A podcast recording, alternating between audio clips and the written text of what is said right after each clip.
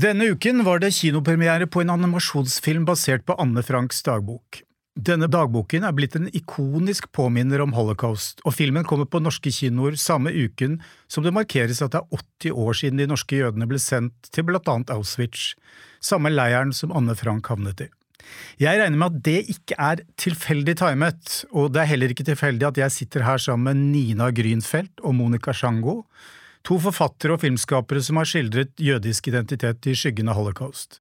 Ja, og dere står ikke minst bak podkasten Jødepodden, den første i sitt slag i Norge, vil jeg påstå, som på, og jeg håper jeg på en måte sier dette riktig, beskriver den riktig, på uhøytidelig måte berører jødisk kultur og identitet. Helt riktig. Velkommen, Nina og Monica. Tusen takk. Det var helt riktig, ja.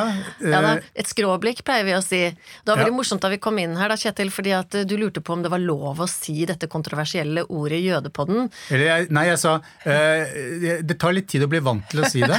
ja, og du er tydeligvis ikke helt vant til det, men uh, Monica og jeg, vi sier jo til og med at vi jøder. Så vi er her hos Ja, ja. deg nå, eller du er også med oss, fordi dette er jo et eh, Det er fellesjøding. Fell, vi, Nå jøder vi Ja. sammen i Rushprints pod og Jødepodden. Dette er et samarbeid, joint effort, eh, og eh, hva skal vi si, vi har alle da sett Hvor er Anne Frank?, som denne nye filmversjonen av Anne Franks dagbok heter, og jeg er veldig nysgjerrig på deres umiddelbare reaksjon på filmen, altså før vi går litt sånn inn i detaljer og sånn. Altså, var dette en Anne Frank som som uh, var litt sånn forfriskende og ny, eller, eller, eh, eller og, og en dere kunne kjenne igjen? Ja, både og, vil jeg si. Altså, Jeg syns det er en ganske god idé, denne ideen om at uh, Anne Frank hun skriver jo dagboken sin Kitty, og her blir dagboken Kitty billedliggjort eller eh, synliggjort i form av at hun trer ut av boken, blekket vokser formelig ut av boken og blir til en vakker skikkelse som er kanskje på mange måter da Anne Franks drømmeversjon av seg selv. Eh, Hun kommer tilbake i nåtid og lurer på hvor ble det av Anne Frank, for det fikk hun da sannsynligvis ikke med seg, fordi boken ble jo ikke avsluttet, ikke sant. Men jeg syns nok kanskje at filmen tipper litt for mye over til å bli en historie om Kitty snarere enn om Anne Frank. Eh, og så er jeg litt uenig med meg selv, for jeg syns samtidig at den balanserer det ganske bra, og tenker at det er en fin måte å formidle historien for, på for, eh, for nyere publikummere. Men eh, den, den, er ikke, den er ikke sånn at den appellerer 100 til meg, og det kommer jeg sikkert litt tilbake til etter hvert i samtalen. Jeg har i hvert fall ikke sett Anne Frank fortalt på denne måten før, og når jeg sånn umiddelbart så filmen, så kjente jeg at jeg hoppet litt i stolen, fordi at jeg fryktet nok at eh, det skulle være et forsøk på å infantilisere eh, problemstillingen og gjøre den eh, mye mindre enn det den er, men, men etter hvert som filmen utviklet seg, så opplevde jeg å være mer på filmskaperens lag og skjønte mer prosjektet hans. Ehm, når det er sagt, så, så er det en del elementer i, i historiefortellingen som jeg ikke helt følger med på, og som kanskje ligger litt for tett oppunder hva som er etter min smak en, en slags tilpasning av hva vår hurtiggående kultur kan tåle av tung historiefortelling.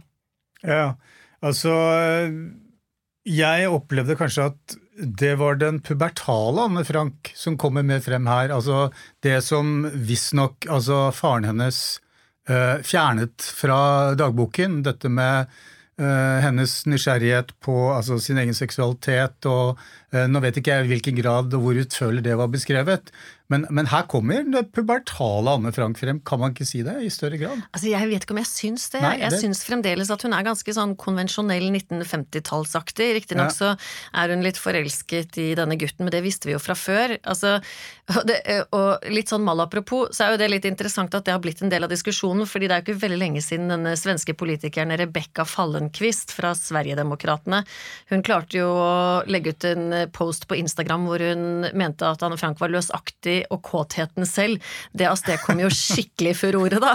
Men, men jeg savner jo at det er mer av det. Altså Ja. dette sensurerte som faren skal ha fjernet.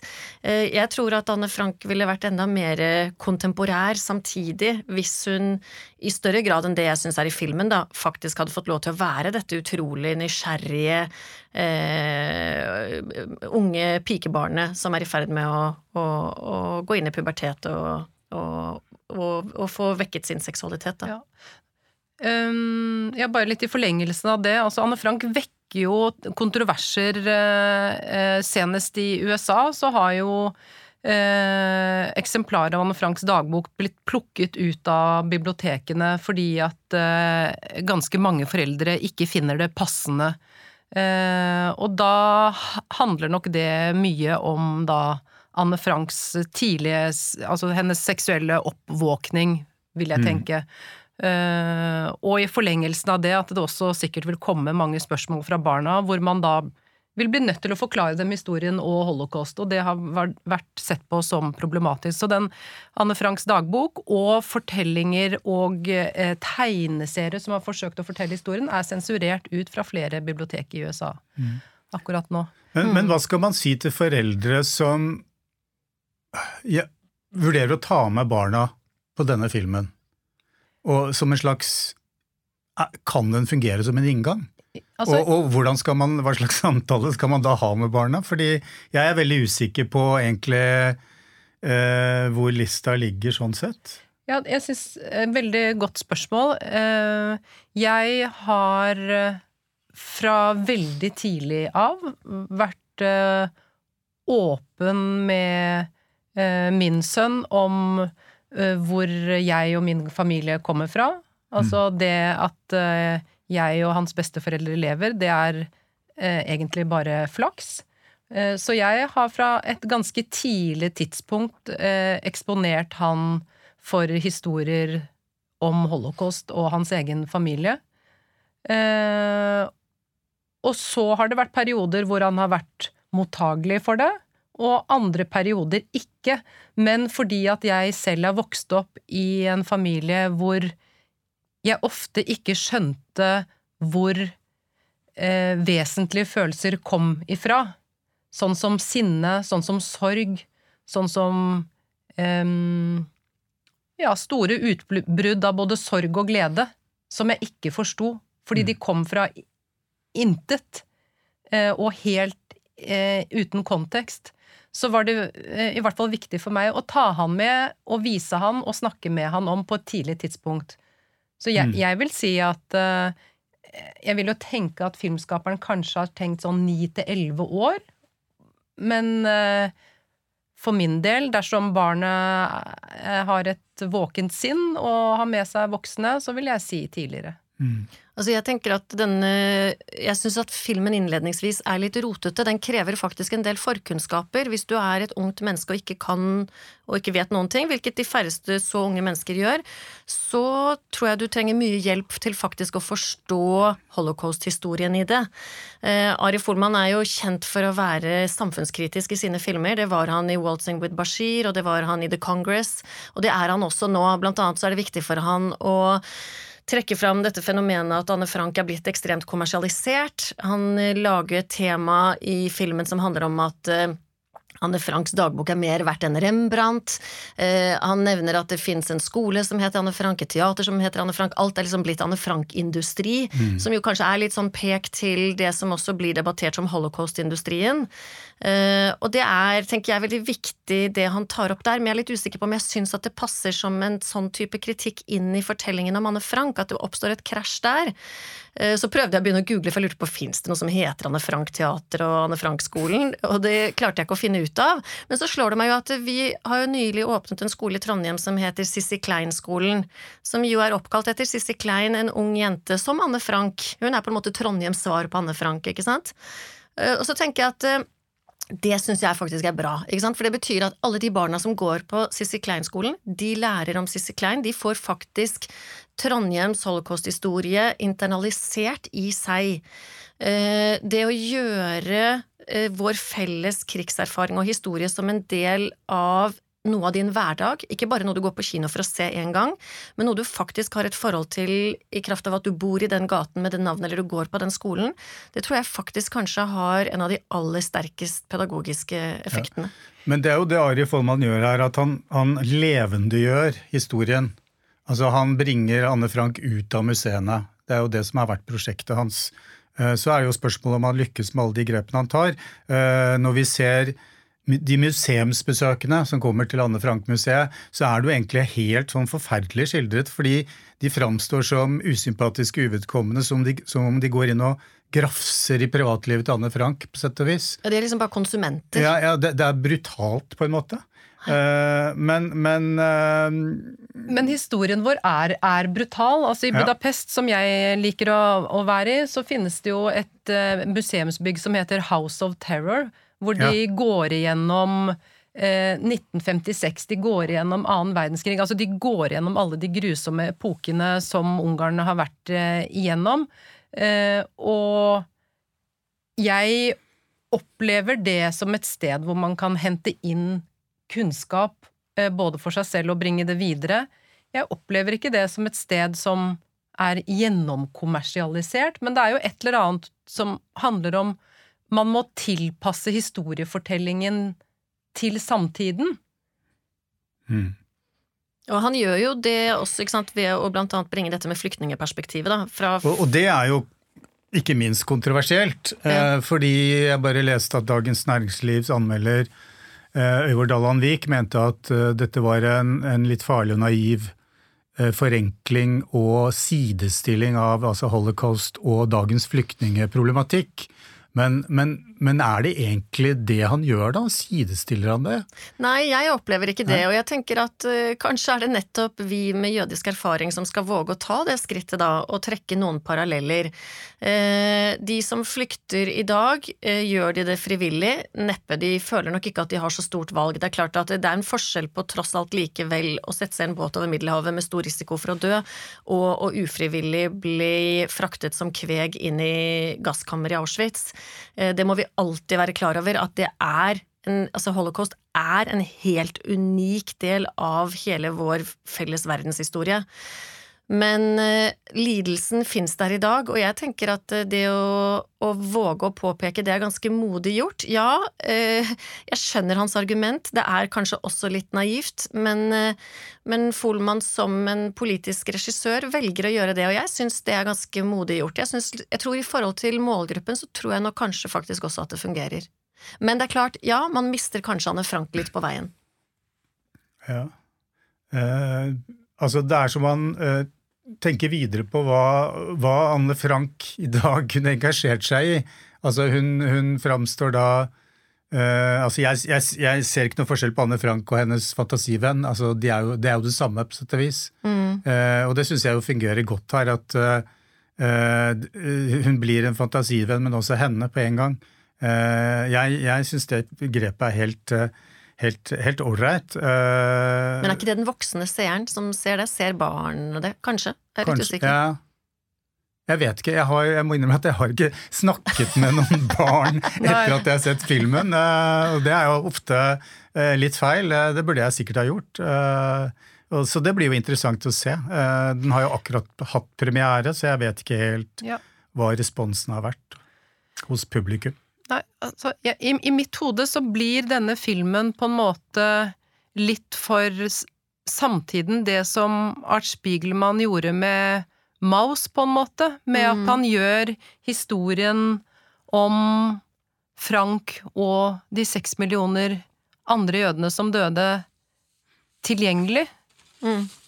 Eh, og det er noe jeg har eh, enormt sansen for. Altså, jeg er usikker på om eh, historien om jødeutryddelsen blir mindre fordi man også trekker inn det som handler om eh, lidelsene til alle flyktningene. Mm. Ja, eller om den tvert imot Om den bidrar Øker til relevans, da. Ja. Mm, ja. Nei, altså ikke sant, og det er jo eh, Apropos jødepodden vår, da. Er det noe vi er engstelige for, så er det jo generaliseringer. ikke sant, Vi er engstelige for altså Sånn som jeg nevnte så vidt innledningsvis også, denne kritikken mot sånn type holocaust-industri. Altså Jeg kjenner at jeg blir skikkelig sånn svett på ryggen da, hvis denne filmen skal øh, Altså Hvis man ikke skal øh, Hvis den på en eller annen måte skal bli tatt til inntekt for det, istedenfor nettopp det jeg opplever at Folman gjør, og også prøve å si noe om samtiden i dag. Um, det er jo mange som, som, og fra vårt miljø, som nok syns at det er vanskelig å si mer enn én ting om dette, fordi det budskapet om holocaust er så vondt og så traumatiserende i seg selv at hver gang det da skal benyttes i noen som helst annen sammenheng enn nettopp bare det, så, så er det rett og slett for smertefullt. Men jeg tror og tenker at det er viktig likevel å prøve å gjøre det. Men jeg er jo enig i at historien eh, som utspiller seg i dag, altså dette med flyktningene altså Anne Franks fantasivenn eh, kommer i kontakt med noen flyktningskjebner og hjelper dem og, og, redder til slutt dagen. Altså det er jo veldig sånn en, en, naiv fantasi og litt søt, og med det mørke bakteppet så er det ikke så rart at, at Follmann velger den løsningen. Men, men det er jo ikke Altså Eh, det var da jeg forsto at den tross alt var rettet mot barn mm. og unge. Mm. Eh, fordi er, det er en veldig forenkling, kan man si. Og Det er jo en veldig sånn amerikansk dramaturgi her, mm. i den forstand at eh, sant, det, er, det, er, litt sånn Løvenes konge på slutten der. Altså virkelig den lille opp mot den store øvrigheten, og lille mm. jenta som vinner over politiet og, og makten. og Uh, og det, det, det, oppleves jo unektelig som et litt sånn kommersielt grep, men, men, sannsynligvis noe som fungerer, tror jeg, mot målgruppen.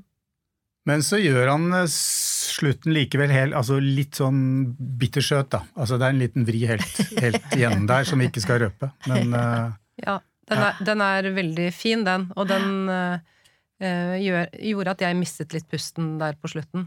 Ja. Mm. Jeg må si det.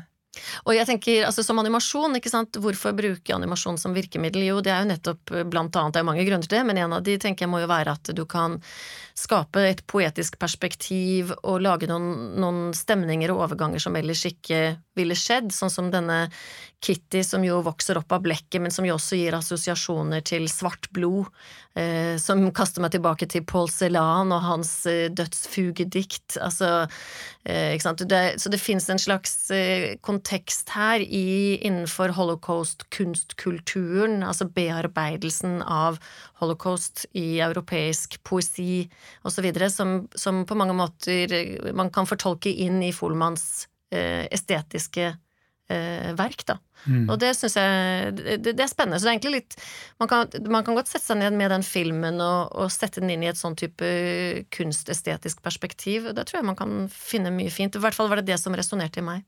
Og så er jo animasjon et eh, altså Som i, i, i Follmanns film, altså tidligere film med Bashir', som jo handler om uh, borgerkrigen i, i Libanon og, og invasjonen av, av uh, deler av den da, fra, fra, israelske styrker. Han var jo med på den invasjonen. Uh, og han sa et eller annet om at det var den eneste måten han følte han kunne fortelle den historien, med et slags poetisk filter. Mm. Mm. så det kan godt hende også Eller han oppnår jo noe av det samme her. Altså det, det, det, mørke bakteppet. Men, men, det er klart, altså, okkupasjonsmakten her, altså de tyske soldatene, er jo egentlig bare redusert til noen veldig eh, Noen sånn fantasifulle demoner, på sett og vis. Mm. Eh, de er ikke de er, sånn, er det Darth Vader han heter? Ja, ja. Ikke sant? De er litt sånn Star Wars, han der svære altså, ja.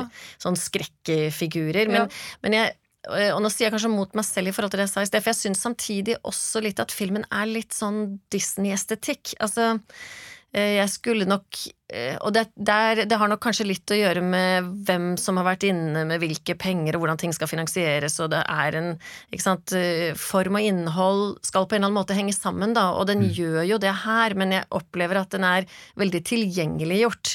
Jeg syns nok kanskje at jeg kunne, som voksenseer, så kunne jeg fått enda mer ut av det hvis han hadde våget å være enda mer eksperimentell, syns jeg, i utformingen. Men tenker du at den kanskje bærer preg av at den kan være rettet mot et amerikansk publikum ja, i, stor, i, stor, i, stor, grad? Det ser litt sånn ut, syns jeg. At kanskje det hadde hatt en annen tone eh, hvis det var et europeisk publikum kun som skulle ta den imot? Mm. Den er litt glatt, liksom. Litt. Du, når man ser på Waltzing with Bashir, så er den det er litt råere, litt røffere. Kanskje derfor den også er litt, uh, ikke tekkelig, men litt sånn ryddig og forsiktig i framstillingen av hennes hva skal vi si, gryende altså tenåringsnevroser som har med seksualitet og andre ting å gjøre. Mm. At det er veldig forsiktig. Ja, men i en verden full av woke og politisk korrekthet, så, er, ja. så jeg stiller bare spørsmålet er, det, er dette kanskje den eneste måten man kan gå inn i deler av det politisk korrekte USA og fortelle den historien på? Er jo et relevant spørsmål. Ja. Mm.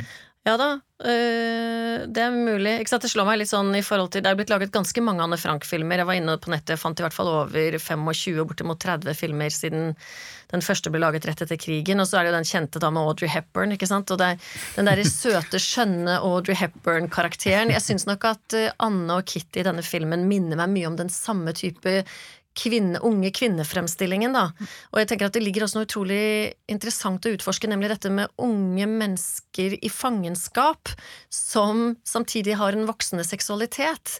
Altså dette behovet for å slå ut i full blomst, og hvordan gjøre det i fangenskap. Eh, og jeg tenker vel at der hadde det eksistert større muligheter da, enn det som skjer. Det, det er en scene hvor de sitter på loftet, og hun ser ut. Ja. Sammen med, med Peter. Peter ja, ja. Som hun er forelsket i. Og den er veldig søt. Jeg skulle gjerne hatt noe mer av det. ja. Men så må hun ned for å trøste søsteren, Ja, som, som, er sier, som, som sier at hun ikke er sjalu. Hun er mer sjalu for hvordan hun forholder seg til moren og faren. Men hun er sjalu. Ja. Ja. Men, men i, det, altså, i kategorien eh, holocaust-filmer altså Det er vanskelig å kalle det her bare en, for en holocaust-film, egentlig. Altså, den, den passer jo ikke helt inn i disse altså De fleste holocaust-skildringer er handler jo om utryddelsesleirene. Mm. Eh, de ser vi eh, først mot slutten her. Eh, men hvor skal vi plassere filmen sånn? Altså, eh, som jeg sa innledningsvis, jeg, jeg, jeg satte pris på det at det, var på en måte en annen vri på, på den skildringen. Altså at, at, at den, den bringer det litt inn i vår egen tid. Eh, vi er vant til at holocaust skildres helst med Helst innenfor fiksjonsfilmer, eh, spillefilmer eh, i svart-hvitt. Altså det skal være, skal være litt sånn forsiktig, og det skal være rammet inne, sånn at vi er helt innforstått med at dette er, dette er fortid, og dette har skjedd en gang, men, men eh, det er ikke farlig i dag. Og her går eh, Follmann rett inn i samtiden, på sett og vis. da. Mm. Riktignok med animasjon. Mm.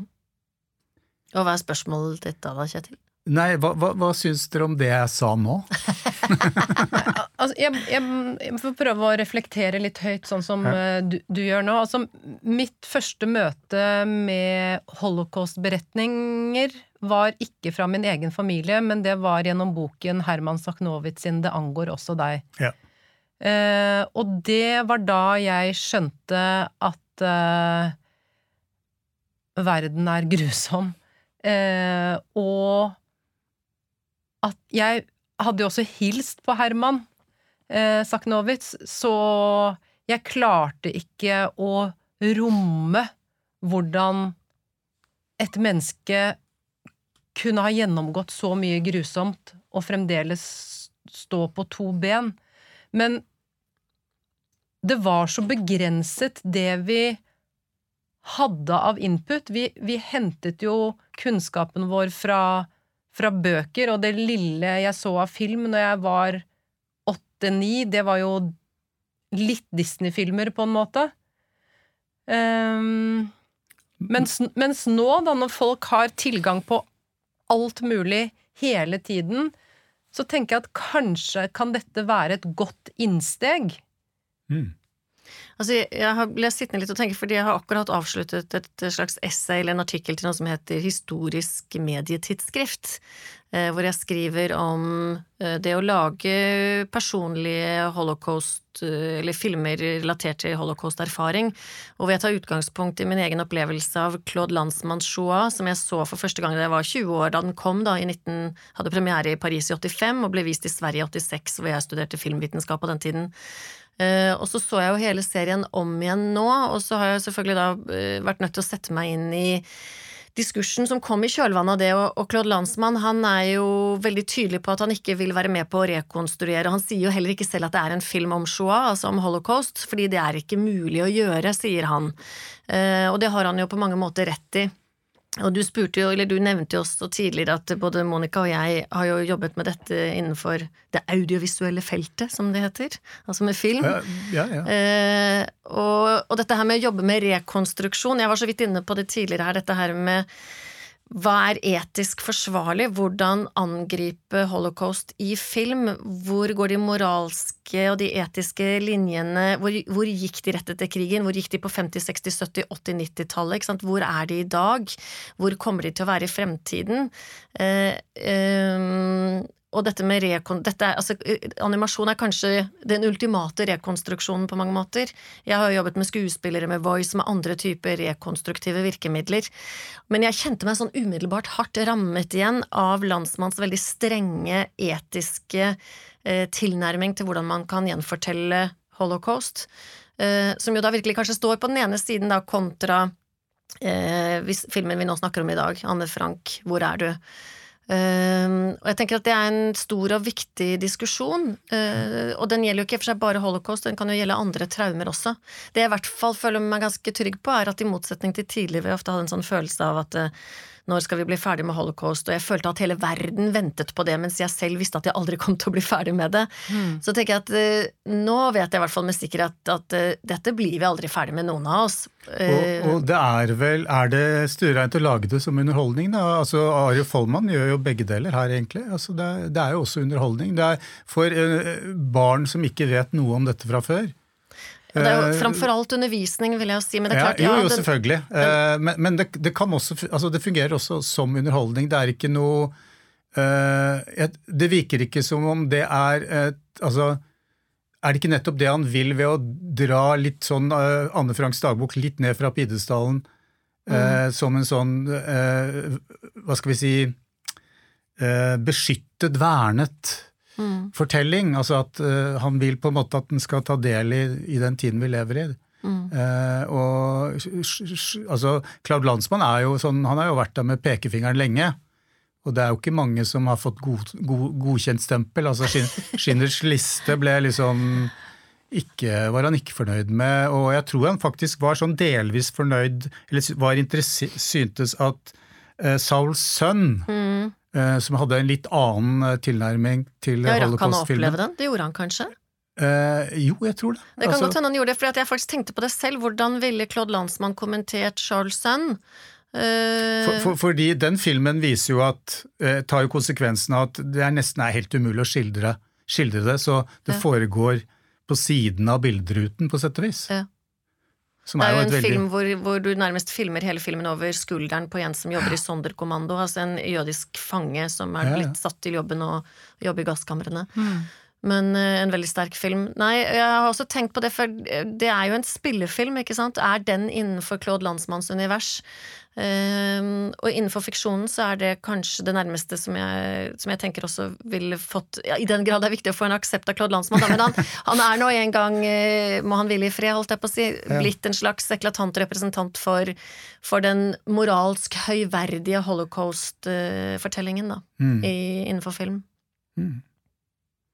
Men, men, eh, når dere ser en film som det her, som jo handler om eh, altså en dagbok som ingen av oss var ment å lese noensinne mm. eh, altså Vi grafser jo i Annes private dagbøker, mm. og, og, dere har jo på en måte grafset litt i deres egen familiehistorie og hemmelighetene i deres egne familier. Mm. Eh, når dere ser en sånn film, altså er det, er det en slags resonans der? Altså at dere, dere, dere er litt litt sånn Uten sammenligning for øret, men sånn på, det er litt sånn kjent terreng, da. Ja. Eller jeg, vet ikke, vil du si det først, Monica? Nei, jeg bare prøver å, å, tenke fordi at eh, jeg var ikke i gang med å lage film da jeg leste Anne Franks dagbok eh, første gang. Eh, jeg bare husker at jeg syns det var en helt fantastisk beretning, og jeg elsket å lese det hun tenkte. Jeg syns det var helt ja, det var helt fantastisk.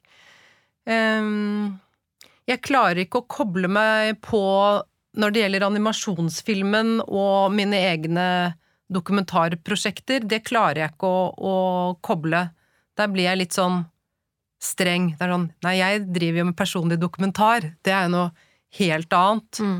og, og ekte og sant, på en måte. Men, men, Ja, ja. men, Men- jeg forstår spørsmålet Ja, ditt. Foldmans filmer Han omtaler jo ofte filmene sine som animerte dokumentarer. Ja, Ja, ja, ja, ja, for seg jo det Men jeg tenker Som er et paradoks, selvfølgelig. Det er et paradoks. Jeg vil jo forstå at Waltz with Bashir altså For han var jo selv med på invasjonen av Libanon, og den historien var jo en, en del av det å bearbeide sitt eget, men også nasjonens enorme traume i forhold til det. Da. Det var jo enormt mange unge menn som kom tilbake fra den invasjonen og var komplett dysfunksjonelle eh, mennesker. Så jeg skjønner at det var eh, en slags dokumentar. Eh, men, personlig. Mens Men jeg, dette er en annen bare, type. Hvis jeg forsto deg riktig, da, Kjetil, så tenker jeg, i hvert fall for min egen del, så har jeg, opplever jeg virkelig at jeg har hatt noen store etiske utfordringer når jeg skrev boken om min farmor. Det er jo ikke en film, da det er en bok, men den, den springer ut av to filmer jeg har laget, og fortsetter på det researchmaterialet. Og på samme måte som Anne Frank, så har jeg på en måte gravd henne opp. Um, hun etterlot seg ikke en dagbok, eh, men hun levde jo et eh, veldig kontroversielt liv som prostituert. Og da har jeg jo tenkt mange ganger er det, er det etisk riktig av meg å fortelle om dette miserable livet hennes? Og det fins kanskje en parallell da i forhold til er det riktig å offentliggjøre de innerste tankene som unge Anne Frank hadde? Eller skulle disse stakkars menneskene få lov til å hvile i fred?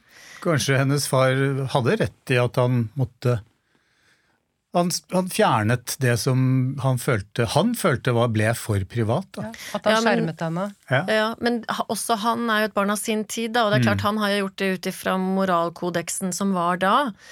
Eh, og så tenker jeg ok, det, nå sier jeg sikkert noe provoserende, men vi er historiefortellere, vi er litt horer. Altså, vi vil fortelle en god historie, jeg vil i hvert fall det. Eh, og hvis jeg samtidig kan fortelle noe viktig, eh, og lære bort noe, og få leseren min eller publikummet mitt både til å føle noe og lære noe og identifisere seg med det, så tenker jeg at da, da har både min farmor og Anne Frank bidratt eh, med sine triste skjebner på en Ja. god måte, da. Ja, Monica, altså, jeg, jeg husker jo din dokumentar veldig godt også. Altså, hvordan du Hvor du var ganske Du var ganske tøff mot din, eh, din bestemor. Ja. Ja, jeg har jo blitt kalt navn etter, eh, etter eh, den eh, filmen kom ut. Jeg ble, jo kalt barnebarnet fra helvete, blant annet. Ja, det er ikke dårlig, bare det. Eh, og så, for de som har giddet å spørre i etterkant, da, så fikk jo de tilleggsinformasjon også, som handlet om at eh, vi hadde dialog også etter at filmen ble laget, og at hun selv både så og likte filmen. Eh, men, men eh, filmen viser jo eh, en helt sann versjon av hennes umiddelbare reaksjon på det jeg viste henne og sa. Og, jeg, var, jeg var tøff, ja. Av flere grunner. Det ene var at historien hadde vært holdt skjult fra meg så enormt lenge. Eh, og så var det også noe med å ha gått noen og 30 år i livet eh, med enormt mange følelser som jeg ikke hadde fått besvart, Mm. og som ble besvart. Så jeg måtte egentlig legge fra meg i perioder det jeg hadde av eh, ganske streng ungarsk oppdragelse, og måtte komme til kjernen, fordi jeg var så enormt sulten på å få vite sannheten. Mm. Og det, det har jo, dette har jo vært en inngang til uh, ganske Altså, dere har skrevet bøker, dere har laget film om disse tingene, og, og så lurer jeg på vei, hvor veien går videre, på sett og vis, altså i forhold til det, tematikken her. fordi dere har jo denne jødepodden sammen. Eh, og hva, hva, hva, hva tror dere Hva skal egentlig den handle om? Nei, altså den eh, Det er jo jeg som driver denne poden, og så er Monica mitt faste sånn sideanker som kommer inn, og vi har det egentlig stort sett bare veldig gøy. Vi sitter som sagt og jøder og snakker om alt det vi har lyst til, som eh, vi syns at det er altfor lite av i det norske samfunnet ellers, så da må vi sørge for det sjøl. Mm. Men, eh, og det handler jo om å se verden med et skråblikk, da, og noen ganger er det alvorlig, og andre ganger er det mindre alvorlig, og forhåpentligvis kanskje til og med litt morsomt. Men jeg tenker vel at eh, Jeg pleier ofte å si om eh, historiefortelling, da. Ikke sant? Altså, vi er jo ikke ferdig med vikingtiden, og vi er ikke ferdig med romertiden heller. Vi, finner, vi graver i jorda, vi finner et sånt spyd og et nytt vikingskip, og vi finner noen romerske mynter og sånn. Altså, holocaust-historiene eh, vi, vi, har bare sett toppen av isfjellet. Jo, ja, nettopp. Så det er jo det var seks millioner jøder som ble drept, pluss en hel del rom og masse andre alle sammen er en historie, og vi klarer kanskje ikke å grave frem alle de, men eh, eh, holocaust er, som jeg sa i sted, et eh, enormt Altså et, det største kollaps, sivilisatoriske kollaps i verdenshistorien. Det er klart at det kommer til å ligge som underlag for multi-multi-fortellinger i årene fremover. Ja. Jeg tenker at det er en helt utømmelig kilde, både for meg og for Nina. Og hvis noen hadde sagt til meg at nå kan du sitte i fred her i et hjørne og jobbe med denne problematikken resten av livet ditt, så hadde jeg sagt tusen takk, det vil jeg gjerne, fordi at eh, jeg har kjempedårlig tid, og det er så mye å fortelle. Ja. Eh, så hvis det var opp til meg, så hadde jeg gjort dette eh, hele tiden. Det som er fint akkurat med Jødepodden, er at det er en sånn nydelig blanding av humor og alvor, og det er jo omtrent sånn som jeg ser eh, meg og Nina. Så vi går jo ikke rundt og er gravalvorlige hele tiden. Der er det jo rom for ganske mye humor også, og så får jeg akkurat den latteren som Nina bød på her, eh, her nå. Men, men, altså for min del så uh, har jeg uh, Jeg har lyst til å skrive minst en bok til om tematikken, og jeg vil gjerne lage en film til. Mm. Eh, men det å jobbe fulltid som eh, filmskaper og forfatter, eh, det er eh, utfordrende. Så jeg har gjennom eh, hele min jobbkarriere, som nå snart begynner å bli 30 år, gjort disse prosjektene på siden av full jobb. Og mm. sånn kommer det nok til å fortsette å være også. Mm. Men dere har jo blitt noen slags portvoktere inn til en slags offentlig diskurs om jødisk identitet i Norge. Portvoktere? Nei, jeg tok litt hardt inn nå. Gatekeepers, liksom. Nei, men dere har liksom Dere, har, eh, dere, har, dere er eh, velformulerte, dere har eh, jødisk bakgrunn ja. etc. Sånn at dere har autoritet. Å, så bra! Hørte du det, Monica? Hørte det, det var men, veldig men, deilig. Men, men hvordan føles det? Altså, er det Nei, altså jeg tror ambisjonen med Jødepodden og det vi holder på med, handler egentlig om å heller rive ned portene mm. og, og, skape samtaler og diskusjoner rundt ting som vi syns at blir altfor lite løftet frem. Sånn at vi ønsker å være en slags sånn alternativ stemme til de veldig få jødiske institusjonene som fins. Altså, og det er jo de veldig sånn offisielle institusjonene, da. Det mosaiske trossamfunn, og så har vi et jødisk museum, og så har vi jo HL-senteret som, som er et en del av universitetet. Altså, men sant, Det er en liten minoritet, men likevel, i den minoriteten er det et mangfold. Og det er en uh, stor historie som er mye trist, men også veldig mye gøy. Og så er det jo en stor del av hele vår vestlige uh, historie. Eh, så, og, det er, og, det er, jo også ganske mye av populærkulturen som er, har jødiske røtter. Hele tanken om at Hollywood eh, er basert på en stor andel jødiske flyktninger fra Tyskland og Øst-Europa, ja. Ikke sant? Så reminiscenser av det fins fremdeles. Det betyr ikke at Hollywood styres av jøder, bare så det er sagt. ja, det var viktig, ja, viktig disclaimer. Ja, ja, du vet, vi er jo alltid varsomme, vi, for Eller vi, vi lukter konspirasjoner lang, lenge før de kommer, Monica og jeg. Så mm. dette, er, dette, er, vårt prosjekt, tenker jeg. Eller hva sier du, Monica? Jo, jeg, jeg er helt enig enig med deg. Og så er det utrolig eh, tilfredsstillende å kunne litt med lett fot noen ganger sitte og diskutere tematikk som eh, vi ikke hører om i noen andre norske eller skandinaviske kanaler. Mm. Eh, fordi veldig ofte når jeg eller Nina blir invitert inn i, offent i det offentlige ordskiftet, så handler det jo om antisemittisme eller noen som nordiske motstandsbevegelsen eller hakekors på vegger eller Eller eh, minnes 26. november. Ja. Mm. Så så litt spøkefullt så pleier jeg å si til journalistene som ringer sånn rett før 26. november, så pleier jeg å si 'trenger dere en jøde nå'? Og det stemmer jo.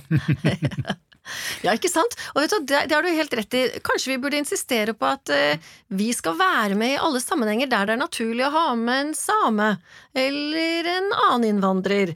Eh, ikke sant? Altså, det tenker jeg faktisk er veldig interessant. Det er også noen sånne tanker jeg gjorde meg nå i forhold til dette jobben, eller jobben med med, med Shoa landsmann-prosjektet mitt, hvor jeg også går igjennom litt hva som er blitt laget av filmer og narrativer om jødisk historie osv. I, i Norge. Og, og, mye lages jo av naturlig nok av ikke-jøder, ikke sant? fordi at det er så få jøder. Men da kommer vi jo tilbake til hele den diskusjonen om kulturell appropriasjon. Mm. Eh, vi er for få til å kunne si at eh, eh hold fingrene av fatet, la oss fortelle historien vår selv. Og samtidig ja. så er det jo veldig bra da, at andre også vil fortelle det, mener jeg. fordi det betyr jo at det er en del av deres historie også. Det vil ja. si vår alles historie. Ja, heldigvis. Altså, det er jo et, et, ferskt og godt prosjekt nå som heter Last jøder, som går på NRK nå. Og Skulle til å nevne det. Og for å si, for å si det sånn eh, det, treng, det, trengtes noen flere personer enn deg og meg, Nina, for å lage, lage de episodene.